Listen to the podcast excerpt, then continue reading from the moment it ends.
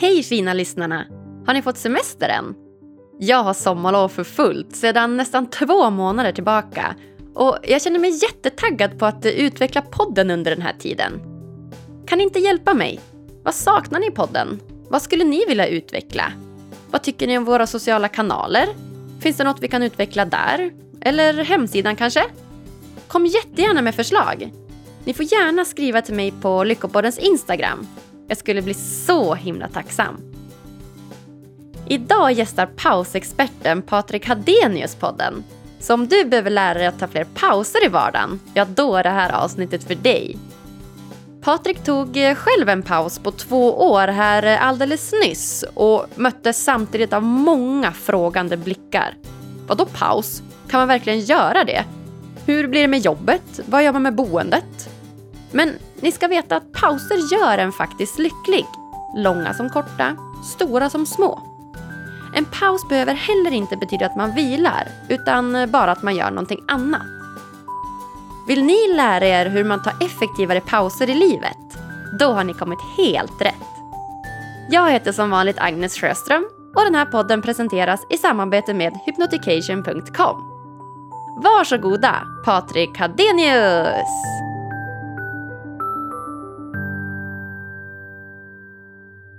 Då säger jag varmt välkommen till Lyckopodden, Patrik Hadenius! Roligt att vara här. Ja, men kul att du ville gästa oss. Vi är så glada.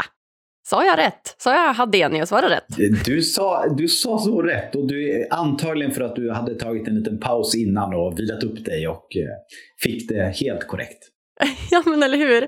Jag tänkte att jag skulle skryta lite med det här nu innan vi börjar, börjar spela in och säga att jag brukar ha en paus på tio sekunder innan jag spelar in då, så att jag eh, kunde impa lite.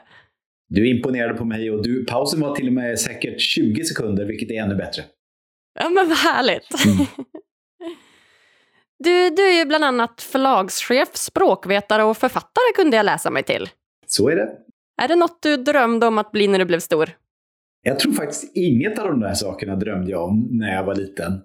Eh, jag trodde länge att jag skulle bli eh, ingenjör eh, och arkitekt trodde jag att jag skulle bli. det var många saker jag hade tänkt att bli. Men inte språkvetare, inte pausexpert och inte jobba på förlag. Nej, allt, allt det där. Men som livet är så tar det eh, olika svängar och, eh, och jag är väldigt glad för där jag är. ja men vad härligt. Ja det känns ju som att eh, man kan ha hur mycket planer och struktur som helst man har tänkt på livet men eh, det blir något helt annat. Så är det verkligen och, och, och rätt ofta så är det ju i pauserna som, eh, som det där händer. Att, att det tar en annan väg. Ja. Ja, men så himla spännande. Jag tror att eh, lyssnarna redan har förstått det, men jag ska presentera dig också som författare. Och eh, en av dina senaste böcker heter just Paus, konsten att göra något annat. Och jag tänker att det är den vi ska grotta ner oss i idag. Hur låter det? Underbart, underbart. Berätta, hur kom det sig att du skrev just en bok om pauser? Ja, men det var, eh, det fanns nog flera skäl till det, men ett viktigt skäl var att jag själv hade jobbat ganska hårt och ganska länge eh, med eh, att eh, ge ut tidningar. Jag jobbade på ett tidningsförlag. Och så kom jag på en dag att Eh, jag skulle vilja göra någonting annat. Jag visste inte riktigt vad, men jag kände att det skulle vara roligt att, att pröva något annat. Inte för att jag vantrivdes eller för att det gick dåligt, utan tvärtom för att jag trivdes väldigt bra och för att det gick bra. Så tyckte jag att det, då, det var väl då man skulle liksom pröva sina vingar och göra någonting annat. Men jag visste inte vad, så att jag tog en paus. Eh, och jag sa det också på jobbet, att nu ska jag ta en paus. Eh, och det märkte jag att det väckte väldigt eh, för mig oväntade reaktioner. Att det var människor i min omgivning, på mitt jobb, hemma, som undrade Jaha, men, men vadå, vad ska du göra? Eh, vad ska, eh, mår du inte bra? Eller har du fått något annat erbjudande som du inte kan berätta om? Eller, ja, det fanns massa tankar och idéer. kring eh, mitt, eh, liksom, mitt, eh, min idé att pausa. Eh, som väckte eh, ja, lite konstiga frågor tyckte jag. Eh, och då blev jag ju nyfiken på det. Så då tänkte jag så här, ja, då kanske jag kan både ge ett bättre svar och undersöka pauser genom att faktiskt säga att jag ska skriva en bok om pauser. För då kunde jag plötsligt när folk frågade så här, vad ska du göra? Jag ska skriva en bok om pauser kunde jag säga, istället för att säga att jag skulle ta en paus. Så eh, ja, nej, men det, det är väl ett av skälen. Ett annat skäl till att det blev en bok om pauser är att jag forskade om pauser för ganska länge sedan. Eh, då tittade jag på hur människor satt och skrev texter. Och så var jag nyfiken på när man satt framför datorn och skulle skriva men ändå inte skrev. Eh, alltså att man tog en paus. Men framför datorn så att man liksom på något sätt ändå skrev fast man ju inte knackade på tangenterna. Vad var det man gjorde då? Och fanns det några mönster i bra eller dåliga tillfällen att pausa framför datorn och sådär? Så, så jag hade studerat pauser tidigare också. Eh, så jag hade det liksom någonstans i bakhuvudet att det där med pauser, de säger nog något spännande och intressant om, om kreativt arbete, om återhämtning, om ja, allt möjligt annat. Så jag vill undersöka det. Ja, så himla spännande. Det känns som att det är någon typ av nyfikenhet då för pauser som har drivit dig i, i det långa loppet. Absolut. Ja, men jag är jättenyfiken på pauser och, eh, och jag märkte också när jag började berätta om det här att det är inte bara jag som är nyfiken på pauser. Väldigt många människor är nyfikna på pauser. Eh, boken har sålt bra och sådär, så det är ju också ett tecken på det. Men, men jag märkte redan innan jag skrev boken, eh, när jag höll på med min research, när jag berättade så här, men jag skriver en bok om pauser. Åh, då måste jag berätta om min favoritpaus. Det är när jag... Och så, så fick man alltid en rolig historia om, om favoritpausen. Ja, vad kul! Ja, men för som du säger, alltså, pauser det känns ju som ett väldigt brett ämne och folk har mycket åsikter. Är det bra? Är det dåligt? Eller som du när du möttes på jobbet och sa att du skulle ta en paus. Varför ska du ta en paus? Och sådär. Jag tänker att vad är liksom det vanligaste du stöter på när du har liksom, ja, men pratat med folk om deras favoritpauser till exempel? Vad är den vanligaste pausen som folk vill ta? Det, det, vanligaste är faktiskt att det är olika. Alltså det är det som är så slående. Det är att pauser är så individuella. En del älskar att gå i skogen, andra vill ut och springa, någon vill eh, lösa sudoku Marocko, eh, någon vill umgås med barnbarnen. Alltså det finns, eh, finns, det finns lika många pauser som människor skulle jag säga. Eh, så det är nästan det att alla har ett väldigt personligt individuellt förhållande till pauser. Men sen dyker det upp andra saker också när man frågar om det. det dels är det det dåliga samvetet eller den här Luther som säger att vi inte ska pausa, att det kanske inte är fint eller att det är slött eller att, det är, att man är lat eller så. Det är en sak som dyker upp ibland. Och ibland dyker det också upp i eh, den felaktiga idén att paus är samma sak som vila. Är, eller snarare att paus är samma sak som att inte göra något. Att man tycker att paus är eh, en, en slags tomrum. Eh, den idén hade nog jag lite grann också, att jag trodde att pauser var ingenting. Alltså, först jobbar man, eller eh, springer eller ja, gör någonting. Och så pausar man, då gör man ingenting, tänkte jag. Mm. Men så är inte det, eh, pauser. Eh, för det är ju just det, när jag frågar dig eller någon annan om din favoritpaus, då berättar ju du inte att du inte gör något. Utan du berättar ju istället hur du fyller din paus. Genom att gå i skogen eller lösa sudoku eller vara med barnbarnen eller diska eller vad man nu gör. Ja men verkligen. Och då börjar jag direkt så tänka på vad är min favoritpaus? Ja, berätta! Ja men det som är verkligen min favoritpaus och har varit på slutet det är ju att ta mig ut och springa. Det är ju fantastiskt. Och det blir ju lite så här dubbel bemärkelse också för att just att springa och jobb, jogga det är ju väldigt så här att du vet man är aktiv och man anstränger sig ju lite grann. Men samtidigt så är det en sån paus för hjärnan att bara du vet ut i naturen, springa, se vad som finns, kanske lyssna på någon podd eller musik eller så och bara du vet, ja men glida med och titta på allt, allt det fina i naturen. Det, det låter som en underbar paus. Jag måste faktiskt säga att även jag uppskattar oerhört när jag väl kommer ut och springer. Eh, jag har lite svårt för att komma iväg ibland, eh, men när jag väl kommer iväg så tycker jag nästan hela tiden att det är härligt att springa och jag tycker det är underbart när jag kommer hem. Och jag har verkligen rensat liksom hjärnan och kroppen och, och sådär. Och det är ju absolut en paus, precis som du säger, trots att man är väldigt aktiv. Ehm, och det är också därför min bok heter Konsten att göra någonting annat. Alltså man, säg att du sitter hemma och skriver eller gör någonting eh, och så känner du att jag behöver en paus och så sticker du ut och springer. Då gör du ju någonting annat. Men det, är ju, det viktiga är att du är aktiv. Du gör något annat. Men du gör kanske, om det var så att du satt och skrev så sitter du väldigt still och då är det härligt att röra kroppen. Säg att du hade ett eh, muskelarbete istället, att du jobbade på, eh, med någonting som var fysiskt ansträngande.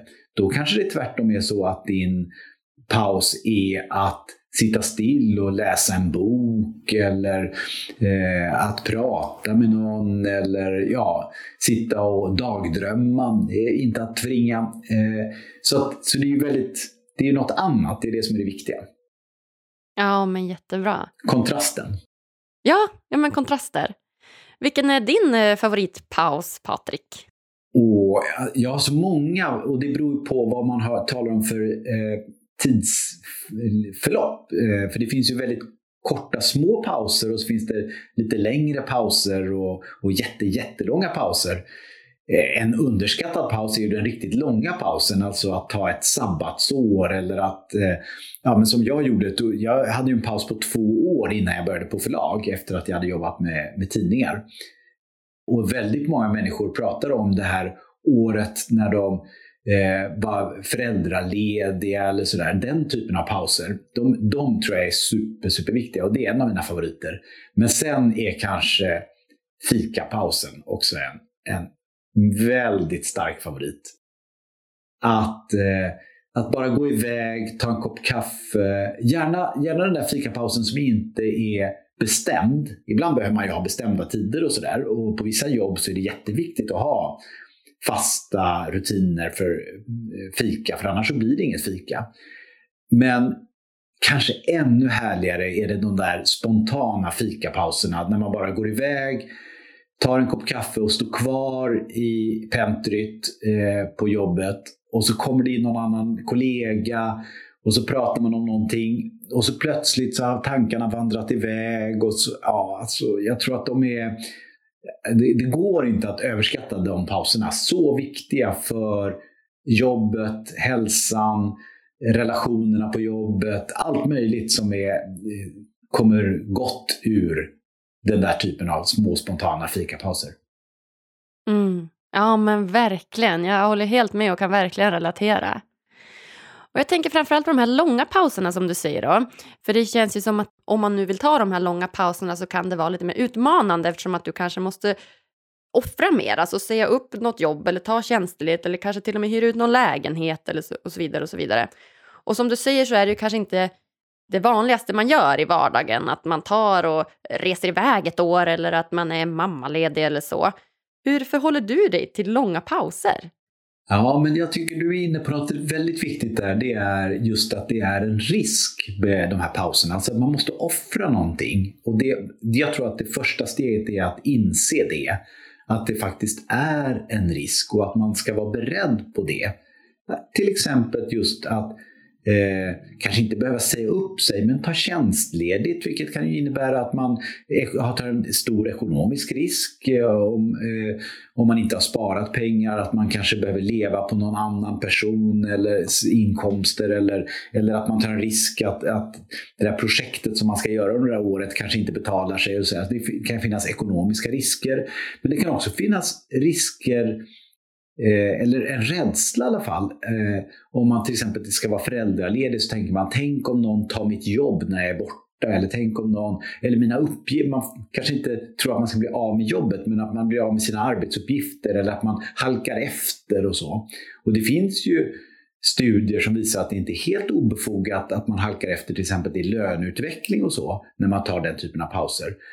Eh, men det man ska komma på att den här risken ofta, ofta, ofta betalar sig. Alltså att man vågar ta den risken, att utsätta sig för någonting, brukar ofta betyda att när man kommer tillbaka till jobbet, kanske kommer till ett nytt jobb eller kommer tillbaka, så är man en annan människa.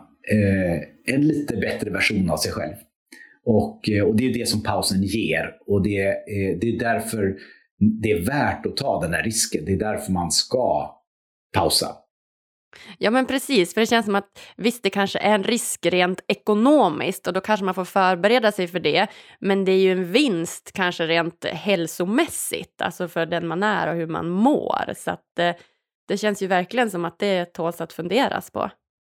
Absolut, och, och det finns ju många studier som visar hur eh, nyttigt det har varit att eh, till exempel för akademiker att ta det som eh, kallas för sabbatical, alltså ett, eh, en, en ledig, det är inte en ledig tid utan det är att man åker till ett annat universitet och eh, kanske forskar på något angränsande område eller med en, an, en annan forskargrupp eller sådär.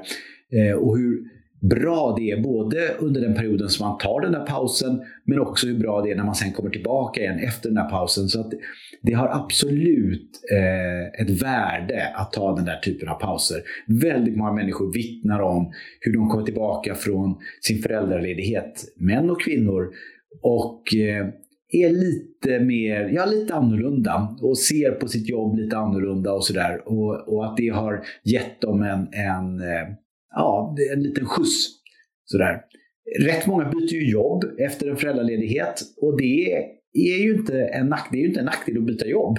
Det kan ju tvärtom vara jättebra. att Man kommer till ett, ett nytt jobb där man kan utvecklas och, och där man också kan tillföra det nya jobbet någonting. Så att det kanske är bra eh, att man får den här pausen för att tänka efter och kunna fatta livsavgörande beslut. Det är ju ofta i de här längre pauserna som man fat, fattar beslut som betyder något för en man kanske inte hittar meningen med livet, men, men det kan vara meningen med livet att hitta den där pausen. Ja, verkligen. Man blir ju sugen på att ta en paus direkt här. Eller hur?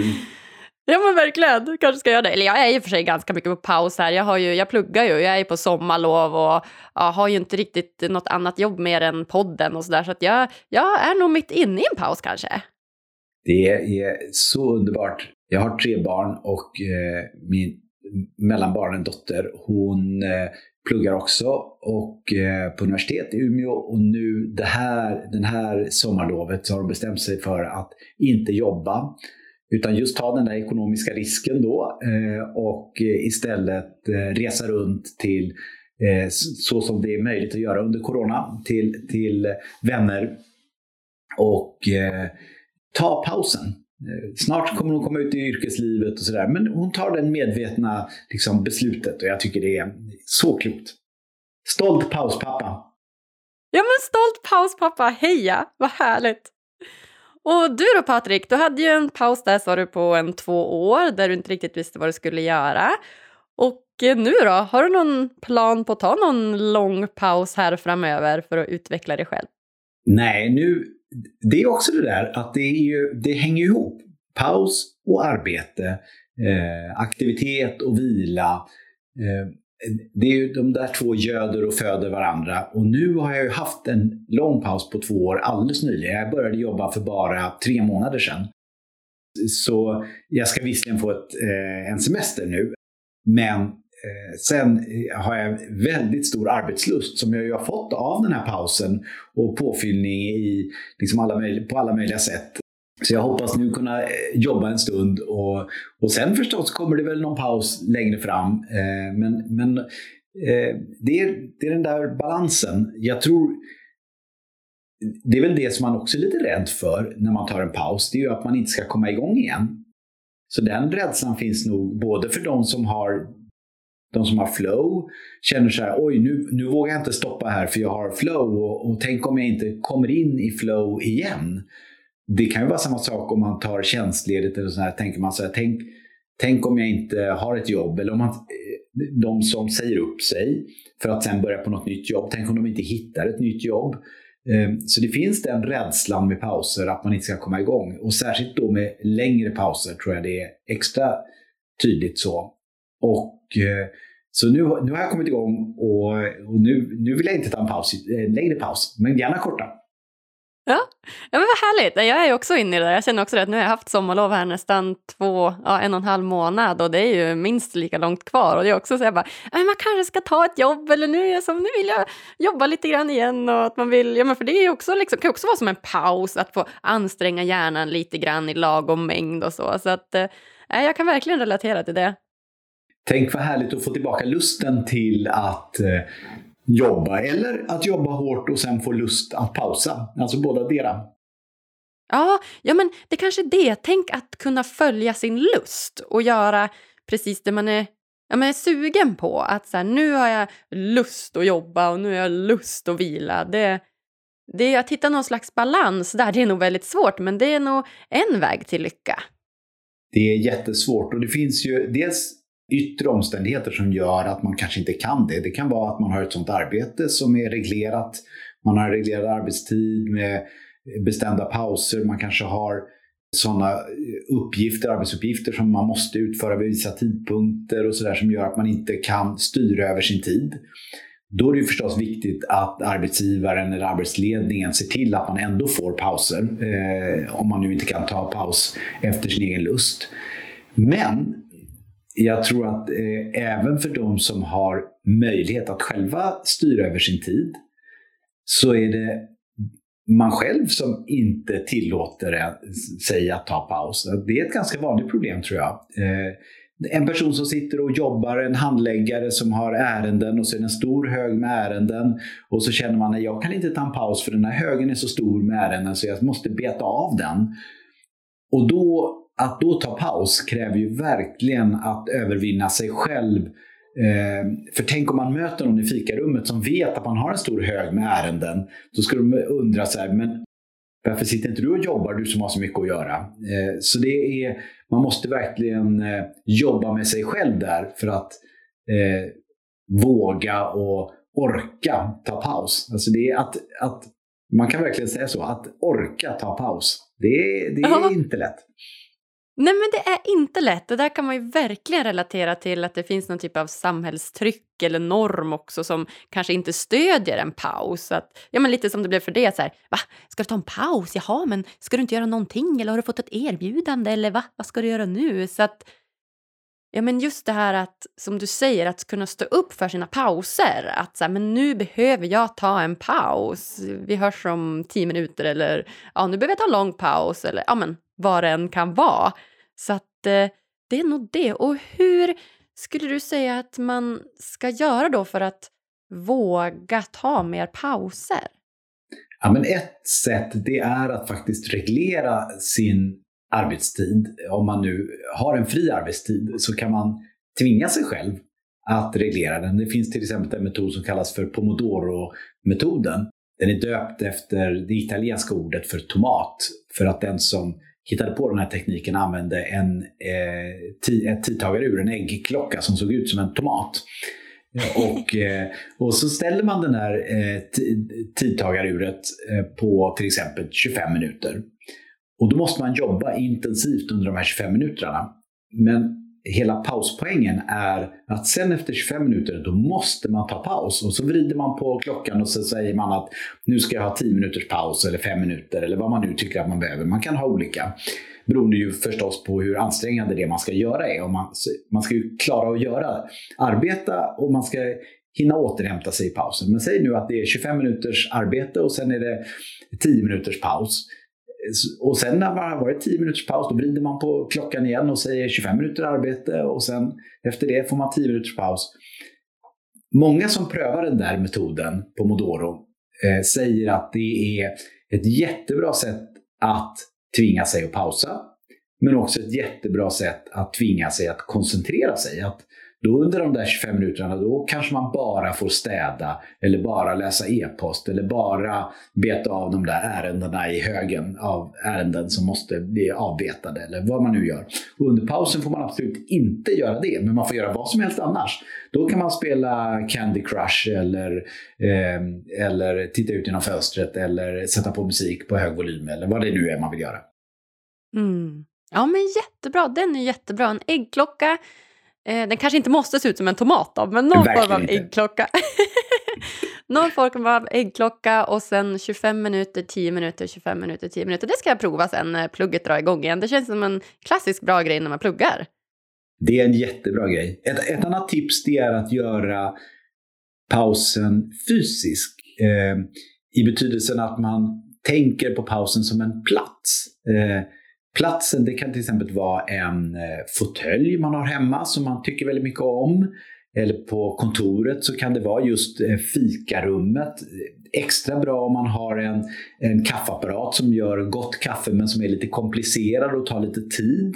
Så att man tvingas liksom pausa.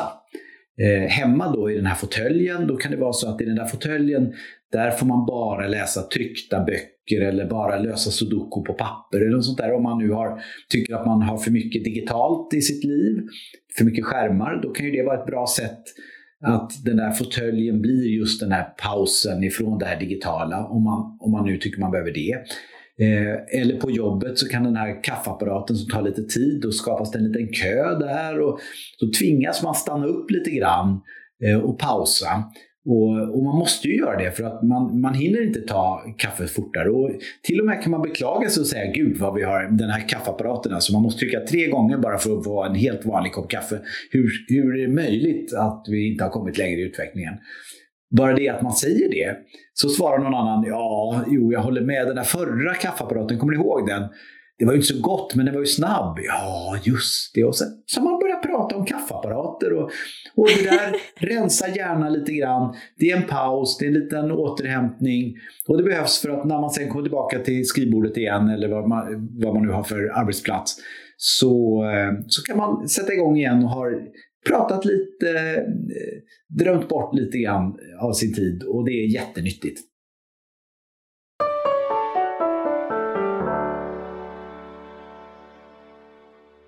Vill du stärka din självkänsla, sova gott och må bättre? Då borde du testa vägledd självhypnos. Det enda du behöver göra är att lyssna, slappna av och följa instruktionerna. Gå in på hypnotication.com och hitta dina favoriter idag. Ange koden LYCKA för 15% rabatt på hela köpet.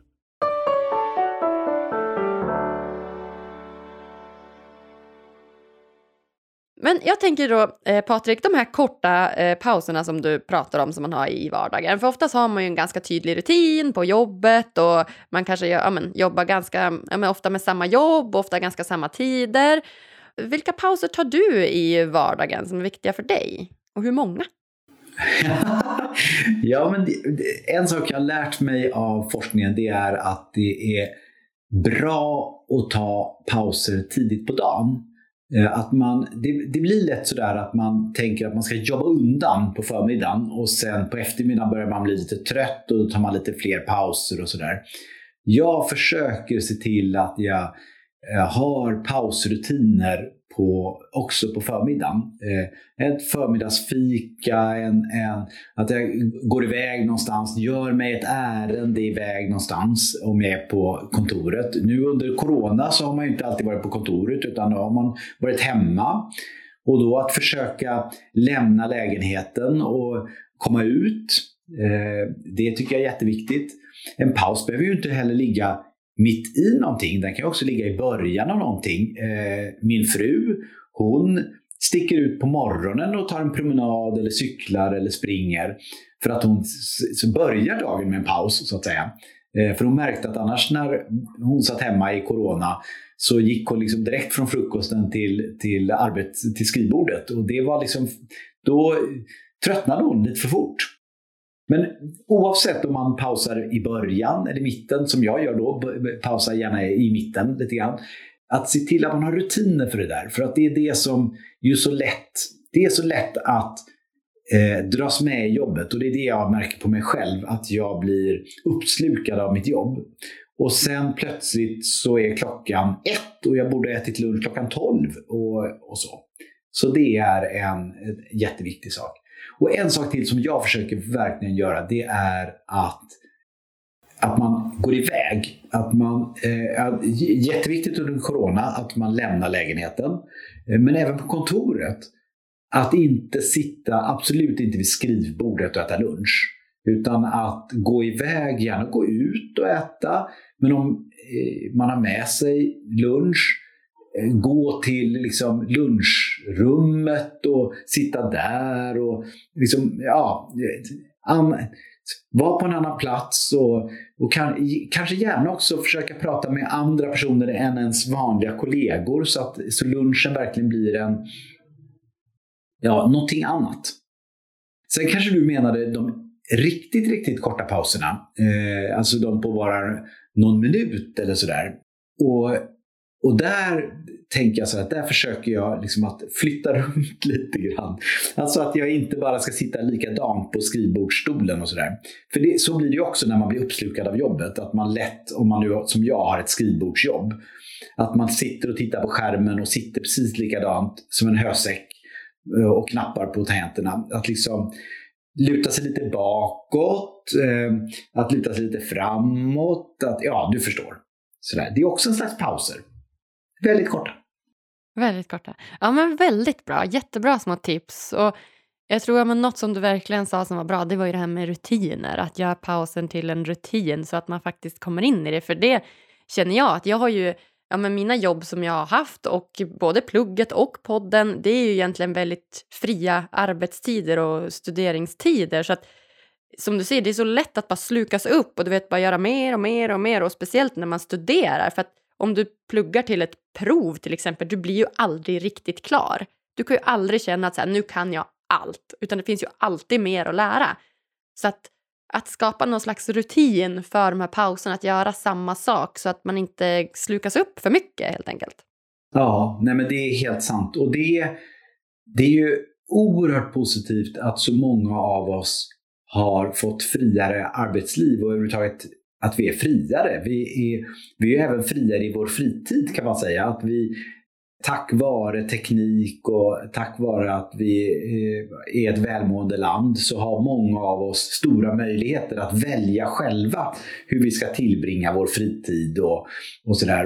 Men även hur vi ska lägga upp vårt arbete. Det är allt fler som får möjlighet att själva planera sin arbetsdag. Och den där friheten är ju fantastiskt bra, men den har ju ett problem och det är ju att vi är då utlämnade åt vår egen Luther. Egentligen är Luther missförstådd. Han var inte en sån här sträng person som vi tror. Men, men eh, om vi ändå använder det som ett uttryck. Alltså den här pliktmoralen som vi har som säger att nej men, om man har en hög med ärenden då ska man minsann beta av den först. Liksom innan man får ta paus. Eh, och om man då är fri att lägga upp sitt arbete eh, då är det lätt att man blir offer för det där. Eh, det är många som blir offer för sin telefon eller sin, sin dator. Att man liksom kopplar upp sig lite för ofta, läser lite för mycket. Alltså telefonen är ju underbar och det är fantastiskt med den frihet som vi får tack vare tekniken. Men den friheten ställer ju också krav på oss själva och då kommer vi till det där ordet som du sa alldeles nyss, rutiner. Det, det, vi behöver nog rutiner för att klara av den här friheten. Olika mycket för olika personer. Vi är väldigt, väldigt olika. En del människor eh, blir, känner sig bara fjättrade av för mycket rutiner. Andra människor tycker det är befriande med rutiner. Så att det är förstås väldigt, väldigt olika. Och det beror också väldigt mycket på vem som bestämmer de där rutinerna. För en del människor är det härligt att få bestämma dem själv. Och för andra människor så behövs det att det är någon annan som sätter en del av de här rutinerna för att man har svårt att göra det själv. Det är olika. Men friheten eh, är jättehärlig. Eh, men ibland så gör den att vi inte tar pauser som vi borde. Ja men verkligen, alltså verkligen. Jag känner igen mig i det där också. att när man har arbetat på jobb där man har med fasta arbetstider, säg det klassiska 8-16 eller 8-17 jobbet, då tar man ju mer pauser. Då är man ju ledig när man kommer hem och man har ju massa tid över att göra till annat. Men som du säger, när man bestämmer över sin egna tid, det är så mycket svårare att ta de här pauserna och det gäller verkligen att bygga sina, sina rutiner kring det. Men jag tänker också på det här med digitaliseringen som du pratade om, att det är ju helt fantastiskt. Vi har ju mobiler och datorer, det gör ju att du och jag kan sitta här och prata idag. Det är ju så liksom värdefullt allt det här. Men en svårighet i det här är ju att jag tycker det blir så lätt när man tar såna här små pauser, säg att man ska ta en tio minuters paus och så sitter man och scrollar på Instagram eller Facebook eller LinkedIn och plötsligt så har det gått en halvtimme och egentligen kanske jag inte uppfattat att jag har fått så mycket paus utan det är mer att jag fått liksom intryck som kanske gjort att jag inte har pausat så mycket. Hur, hur ska man göra för att hantera liksom den där situationen, tycker du? Jo, men man ska ju verkligen som du gör reflektera över det där. Det finns ett uttryck, ett engelskt uttryck, time well spent. Alltså som lite grann går ut på att man ska fundera på om det där var eh, liksom väl använd tid.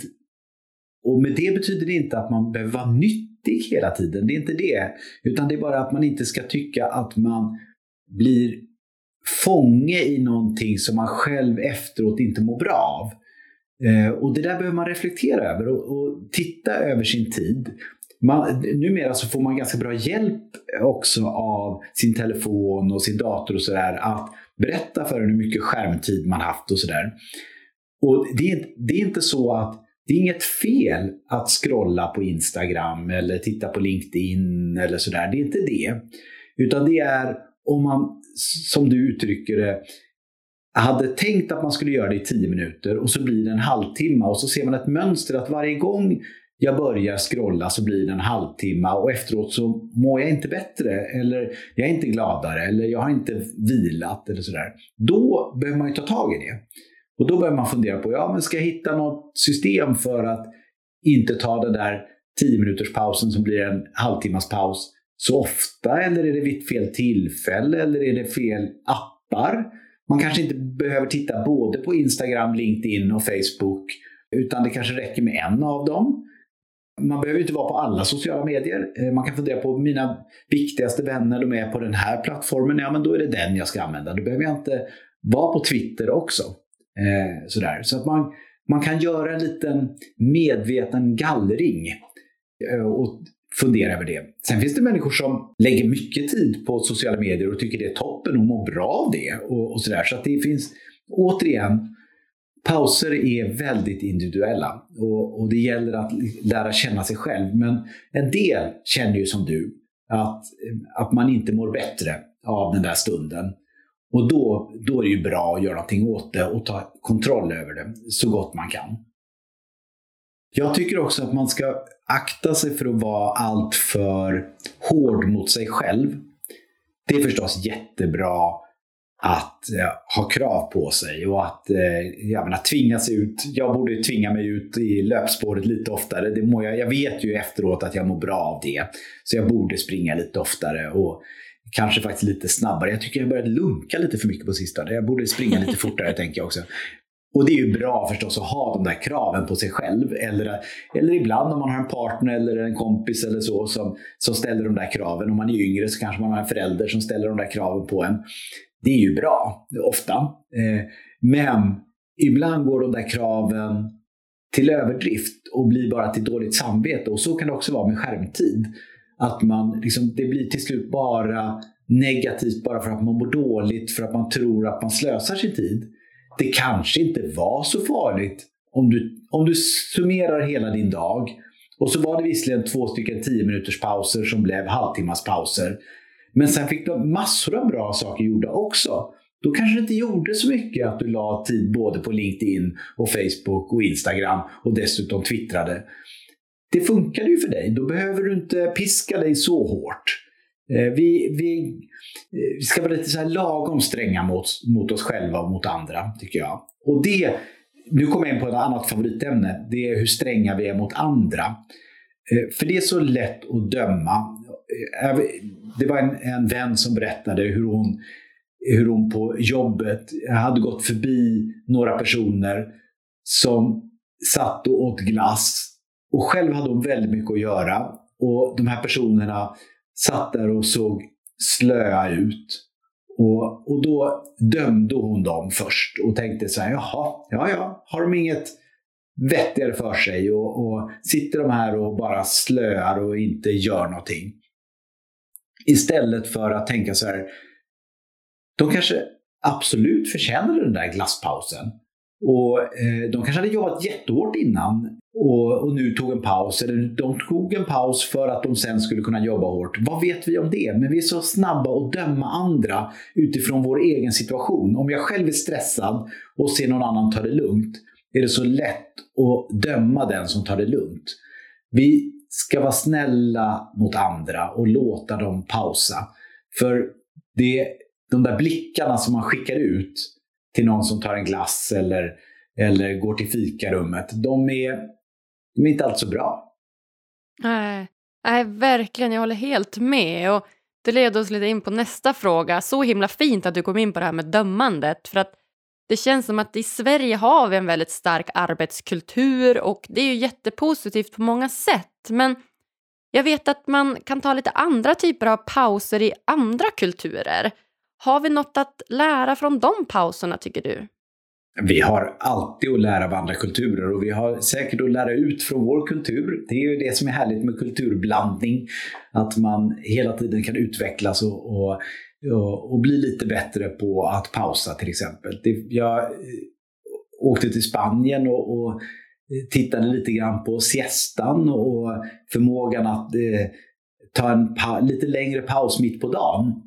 Eh, det finns ju en hel del kulturer. Ofta är det ju i varmare eh, kulturer där, där siestan har utvecklats för att det helt enkelt inte går att arbeta. Eh, när man förr i tiden mest arbetade utomhus så gick det inte att arbeta mitt på dagen så man var tvungen att ta en siesta. Och det där har liksom levt kvar i kulturen. Och det sorgliga nu lite grann är att det ses lite omodernt med siesta av en del personer även i till exempel Spanien. Medan vi tittar, en del av oss, lite avundsjukt på det där och tänker Vore det inte så dumt om det var okej okay också i Sverige att ta en lite längre vila? Tänk om vi hade vilrum och kunde gå och lägga oss och, och sova i 20 minuter på, på arbetsplatsen. Det finns ju vilrum, men det är inte så många som lägger sig där om man inte har svår migrän eller, eller eh, har blivit plötsligt illamående eller så. Eh, så. Så det där tycker jag vi kan ta till oss. Att, att det inte är så att först så är vi hemma och sen åker vi till jobbet, så jobbar vi, jobbar, jobbar och sen eh, åker vi hem och sen har vi fritid. Utan det kan vara liksom, ja, vi kan blanda upp det lite grann. Det tycker jag vi kan lära oss. Ja, ja men jättefint. Men jag tror verkligen att vi har mycket att, lära av den här siestan. Nu har vi ju inte riktigt lika varmt klimat, men eh, som du säger, det finns nog mycket att lära därifrån och de har nog mycket att lära från oss också kanske. Absolut. Du, jag tänker att vi ska gå in på de eh, sista frågorna här då, Patrik, innan vi lämnar varandra. Spännande. Och den första frågan är ju, vad gör dig lycklig? Förutom pauser. det är så många saker som man blir lycklig av. Eh, en sak man blir lycklig av, det är när man tillsammans med andra människor lyckas med någonting. Det tycker jag det är nästan kanske en av de härligaste känslorna. Om man, om man sitter på ett möte och har ett problem och så känner man plötsligt att man tillsammans löser det problemet, kommer fram till en lösning, då kan jag, bli så här, då kan jag få en sån här, eh, sån här härlig, alltså det bubblande, härlig, lycklig känsla inom mig. Det, då kan jag bli riktigt lycklig. Det är ett tillfälle. Ett annat tillfälle när jag blir riktigt lycklig, det är faktiskt i pauser. När jag får flow i att jobba med något så här riktigt nördigt. Det kan vara till exempel på landet när jag bygger kanske en ganska meningslös sak. Det kan vara ytterligare en badstege ner i, i, i vattnet. För vi hade redan två, men den tredje. Och, och att liksom bara försjunka in i det där. Det finns till och med ett, ett, eh, ett ord för det, djuplek. Alltså när man gör någonting som kanske inte är helt nödvändigt, men som ändå kräver tankeförmåga och eh, att man hänger sig och att man får flow, då kan jag också bli lycklig. Så att det är både de här väldigt sociala stunderna kan bli väldigt lycklig i och i de här väldigt ensamma stunderna där man själv utför någonting, då blir jag lycklig. Jättebra, jag håller helt med. Dels när man gör någonting tillsammans med andra och lyckas. Och så den här djupleken som du pratade om, att när man gör någonting som kanske inte har jättemycket ja, men, betydelse om det blir klart eller inte, men, men det är liksom någonting kul och man hamnar i, i flow.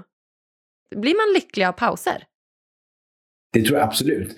Men många människor blir lyckliga av arbete också, så det, det, är inte så att alla pauser gör en lycklig eller allt arbete gör en lycklig. Men Eh, många pauser blir man ju lycklig av.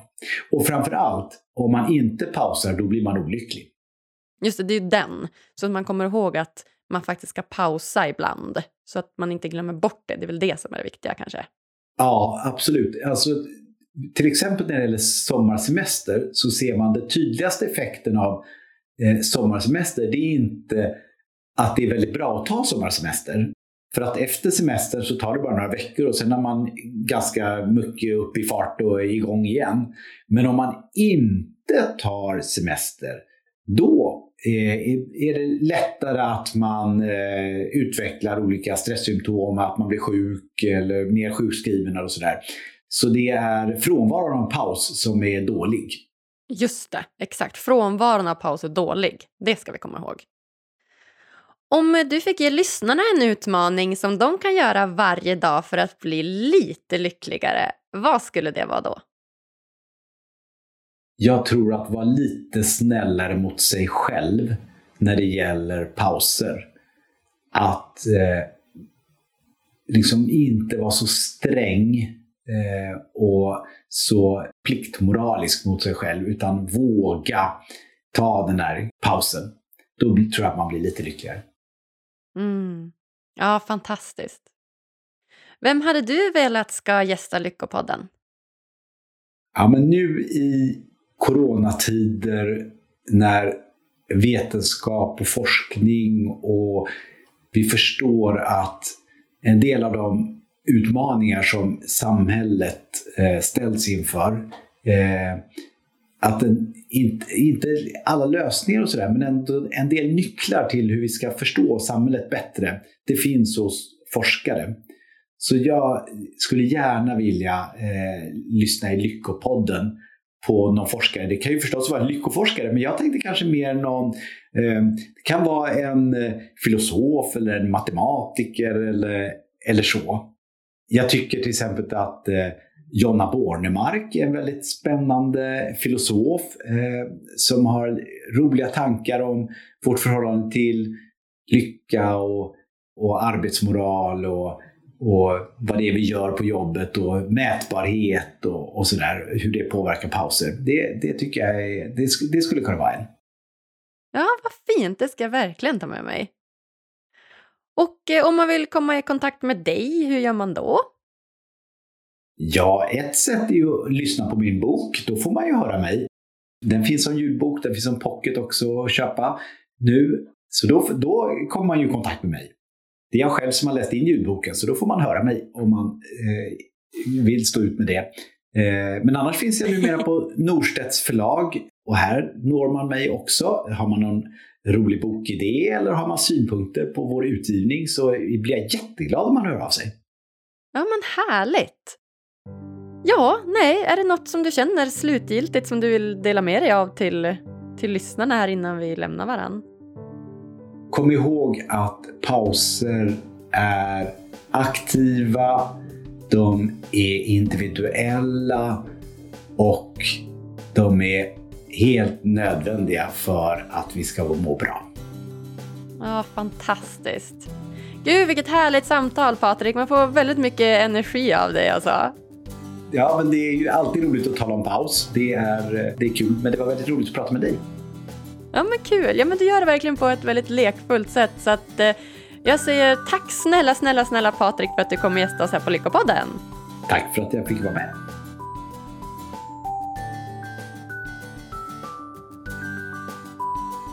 Åh, oh, alltså ja, så himla bra. Var snäll mot dig själv och var snäll mot andra.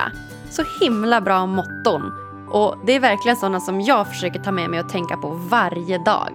Jag tycker inte alls om att döma människor och gillar absolut inte att bli dömd själv. Tycker ni det här var lika bra som jag? Prenumerera gärna på Lyckopodden, följ oss på sociala medier och ge oss fem stjärnor på iTunes. Tack för att just du lyssnar. Vi hörs på tisdag igen. Ha det bra!